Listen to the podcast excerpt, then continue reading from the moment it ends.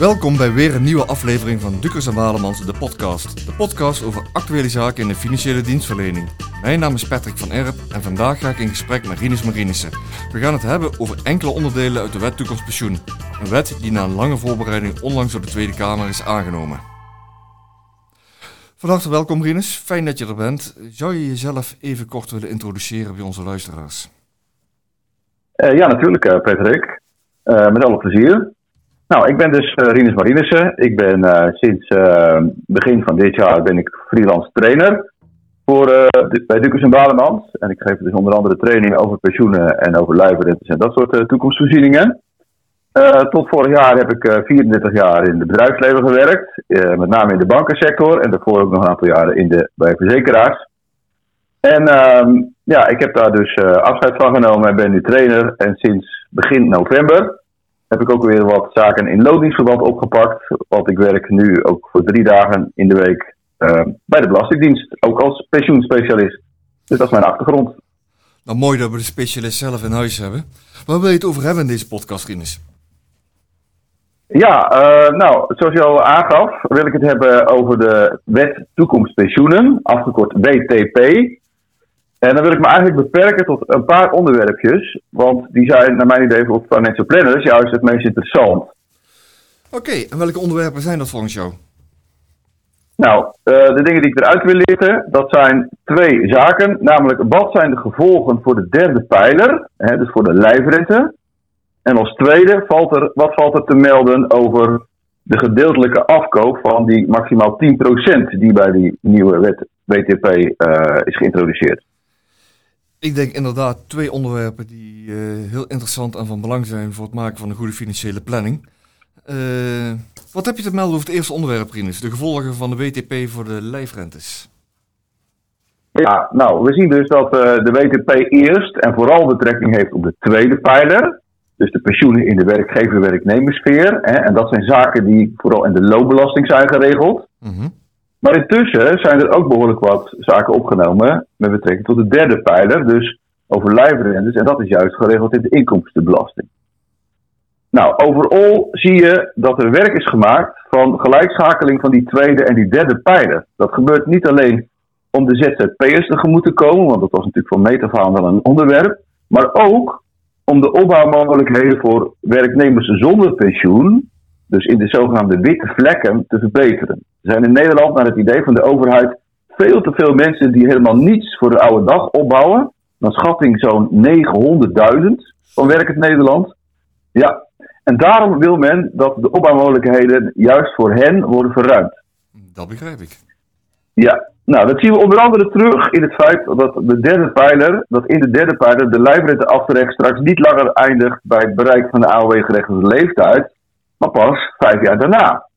Want ja, een lijfrente hoeft pas uiterlijk uit te keren vanaf het kalenderjaar vijf jaar na de AOW-ingang. Dus waarom zou je ook in die laatste jaren, zeker als je nog voldoende inkomen hebt, ook niet meer aan opbouw kunnen doen? Ja, klopt.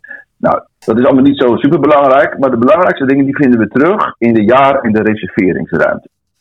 Um, als ik kijk naar de jaarruimte, dan vindt daar vooral een gelijkschakeling plaats met de tweede pijler, wat betreft de bedragen in de formule, eh, in, de, in, de, in die premiegrondslag. Het maximum inkomen wat je daar in aanmerking mag nemen en de AOW-franchise. Nou, tot voor kort waren dat nog verschillende bedragen, in, uh, maar nu wordt het gelijk geschakeld. Dus het betekent dat ook in de jaarruimte dat maximumbedrag gelijk wordt aan het maximum pensioengevend salaris in de tweede pijler.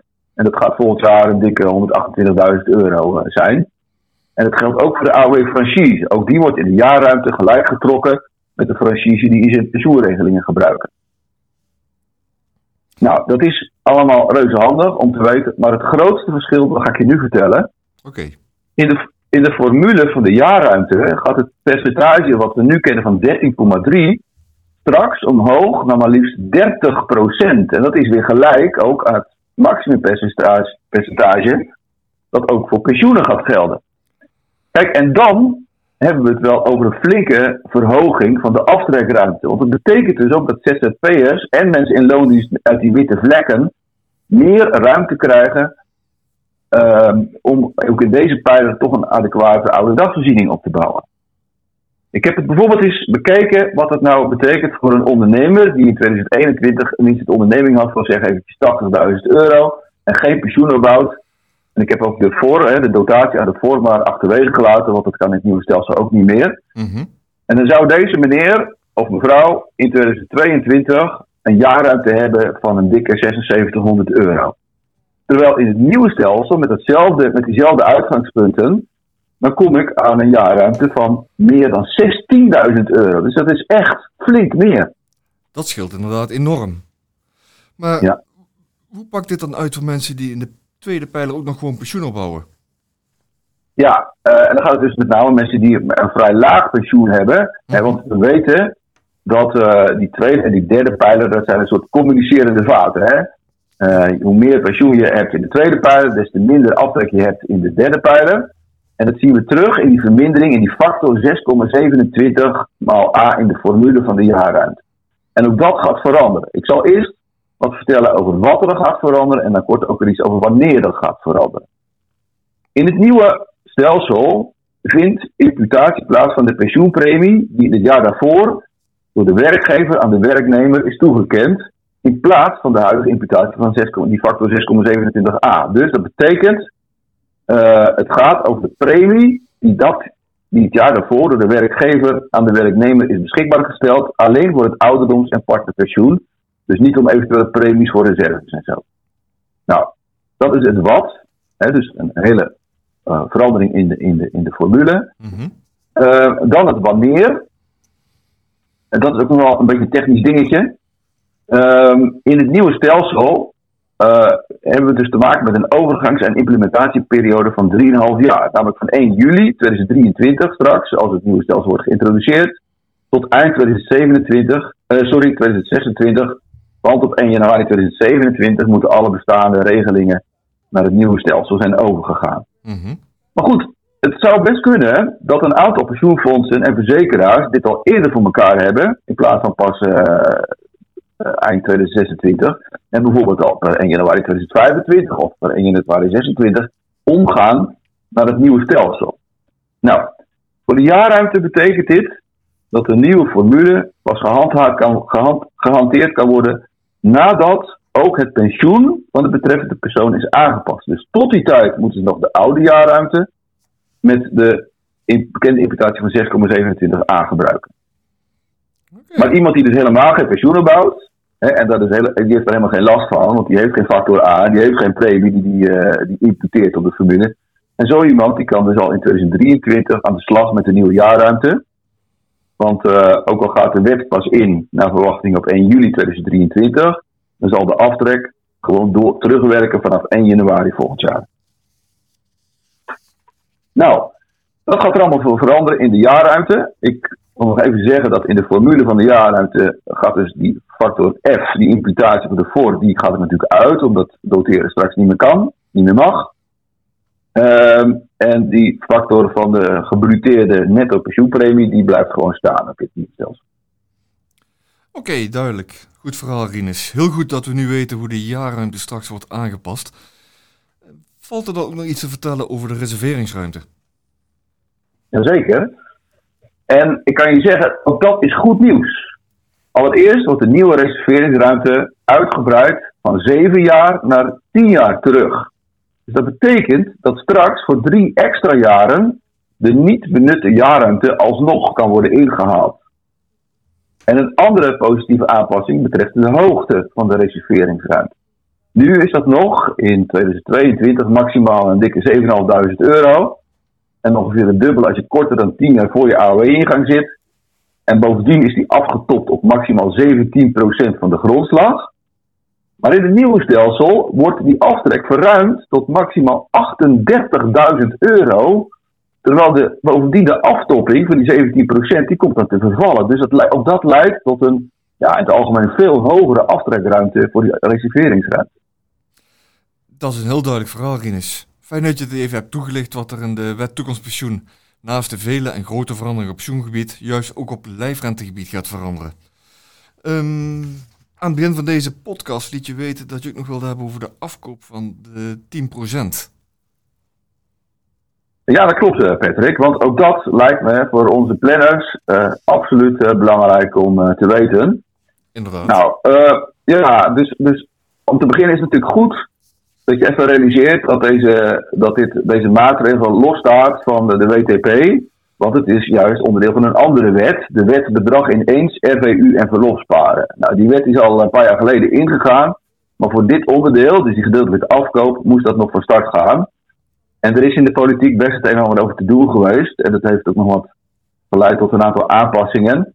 Dus ik vertel nu uh, de, de meest actuele stand van zaken. Prima. Uh, ja, dan gaat het om uh, die afkoop van maximaal 10%, hè, dus zonder fiscale sanctie van revisierente, die geldt natuurlijk vooral en in de eerste plaats voor pensioenen in de tweede pijler.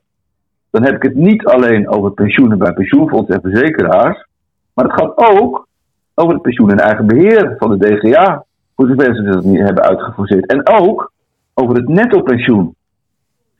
Nou, verder geldt het ook, en dat is voor veel mensen nieuw, net zo goed ook voor lijfrentes. En daar ga ik het straks ook wat meer ook over hebben.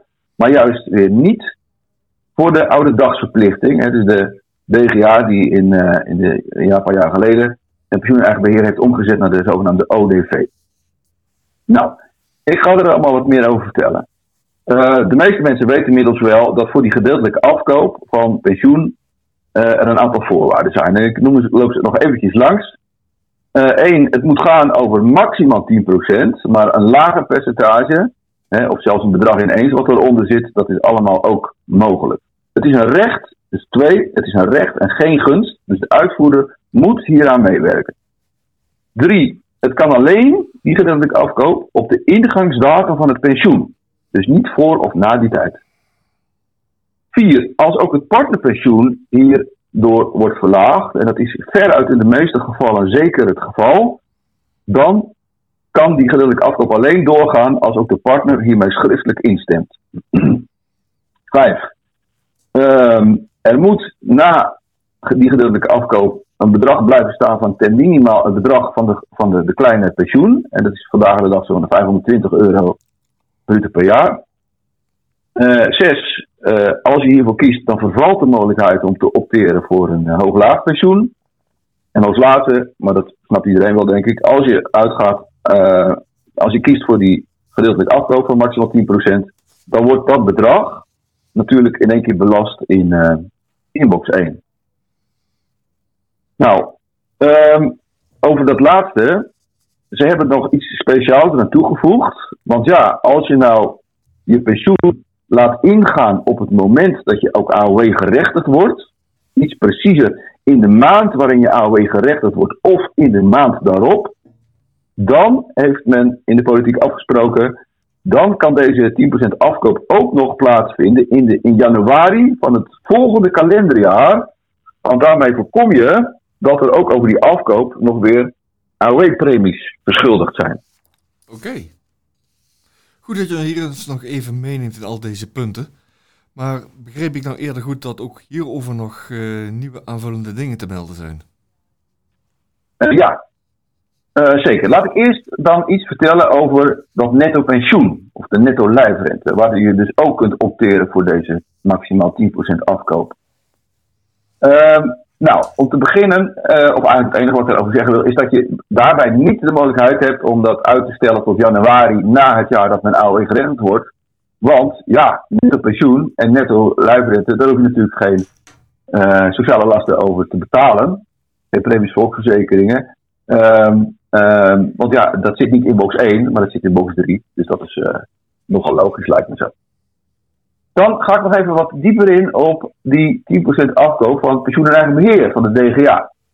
Volgens mij gaat dat niet over nog heel grote aantallen, want de meeste DGA's hè, die hebben een pensioen en eigen beheer in de jaren, wat was het, 2017 tot 2019 al uitgefaseerd. Mm Zoals we dat toen noemden. Dus, dus of afgekocht of omgezet in een ODV. Maar ja, er zijn nog wat diehards die nog steeds pensioen en eigen beheer op de balans hebben staan. En ook voor hen komt deze afkoopmogelijkheid die partiële afkoop nu beschikbaar. Eigenlijk is dat gewoon niet anders dan bij voor iedereen voor wie het pensioen bij een andere uitvoerder zit. Maar ik wil even wijzen op toch wel wat uh, fiscale gevolgen, met name voor in de vennootschapsbelasting. Er moet dus 10% uh, worden uitbetaald en afgerekend. En dat gaat dan over 10% van de waarde in het economisch verkeer, dus de commerciële waarde. Dat is een uitbetaling aan de DGA, die daarover in box 1 natuurlijk belasting moet betalen. Maar het is voor de BV is dat een, uh, een aftrekpost. Die mag er dus ten laste van de resultatenrekening brengen. Dat aan de ene kant. Aan de andere kant uh, is er sprake van vrijval van 10% van de, van de, de pensioenverplichting. Hè. Dat is de fiscale waarde. Mm -hmm dus je hebt aan de ene kant een aftrekpost en aan de andere kant een lagere uh, vrijval in de winst. En per saldo resulteert dat dus uiteindelijk wel tot een, ja, naar mijn idee, behoorlijke aftrekpost in de BV. Inderdaad. Ja. Alright, dan wil ik ook nog wat vertellen over die gedeeltelijke afkoop van een lijfrent. ook daar kun je dus kiezen voor maximaal 10%. En ook dat kan alleen op de expiratiedatum van het lijfrenteproduct bij de bank of de verzekeraar, oftewel de ingangsdatum van de lijfrenteuitkeringen. Nou, we weten, uh, die ingangsdatum die moet uiterlijk zijn in het, AOW, in het jaar AOW plus 5, noem ik het maar eventjes. Mm um, maar als je de ruimte van de maximale afwikkelingstermijn ook erbij neemt, dan kun je het dus feitelijk nog oprekken tot uh, AOW plus 6. En hierbij geldt, net als bij pensioenen, dat er ook na afkoop uh, minimaal het bedrag van de kleine lijfrentes moet uh, resteren. En dat is vandaag de dag een dikke 4600 euro. Nou, als laatste nog iets over de ODV. Ik heb verteld dat er dus de ODV, daar komt die partiële afkoopruimte er niet. Maar ja, indirect kan dat eigenlijk natuurlijk wel. Want ja, de, DGA die kan ervoor kiezen om zijn ODV ook nog na de leeftijd van AOW plus 5 om te zetten in een lijfrente. En dan ontstaat via die lijfrente alsnog ineens die mogelijkheid van, uh, van maximaal 10% afkoop, die ik net heb omschreven. Dit is in korte tijd heel veel nuttige informatie, Rinus. Ik denk dat veel planners blij zijn dat dit nog eens duidelijk onder de aandacht is gebracht. Want juist de informatie over de derde pijler en die gedeeltelijke afkoop zijn in de praktijk bruikbare tools voor een goede planning. Um, je gaf aan twee punten onder aandacht te brengen. Um, ben je hiermee aan je einde van je verhaal of heb je toch nog iets aan toe te voegen? Nou, qua inhoud uh, was dit het wel. Ik heb nog één uh, ja, meer uh, politiek getinte uitsmijter. Nou, um, ja, nou ja, goed, het was de laatste tijd best wel spannend. Hè. Er kwam flink wat tegen en weer ook in de behandeling van de Tweede Kamer. Maar goed, nu is het in de Tweede Kamer erdoor. maar ja, uh, er is in de Eerste Kamer natuurlijk uh, met deze coalitie geen uh, meerderheid. En daardoor hebben ze echt hun best gedaan om ook een aantal oppositiepartijen hierin mee te krijgen. En nou, we hebben gehoord dat de PvdA en de GroenLinks ook gaan instemmen met deze pensioenwet. Dus dat betekent dat als het straks waarschijnlijk in het voorjaar, het vroege voorjaar, in de Eerste Kamer wordt behandeld, dat we eigenlijk wel op kunnen vertrouwen dat ook daar dit kan worden aangenomen en dat is de hele zaak per 1 juli 2023 uh, eh, kan ingaan. Goed om te weten, Rien, is dat na een periode van enkele jaren waar we hier al over praten, we eindelijk verder gaan. Um, ik wil graag afsluiten deze podcast door jou heel hartelijk te bedanken voor de waarde en, en excuus. Ik wil je heel hartelijk bedanken voor de waardevolle informatie en de manier waarop je dit onder de aandacht hebt gebracht. Ik ben oprecht van mening dat dit goed bruikbaar is in de praktijk van veel planners. Uh, hartelijk dank daarvoor. Ja, graag gedaan. Natuurlijk wil ik ook onze luisteraars bedanken voor hun tijd en aandacht en hen heel veel succes toewensen in het bedienen van hun klanten.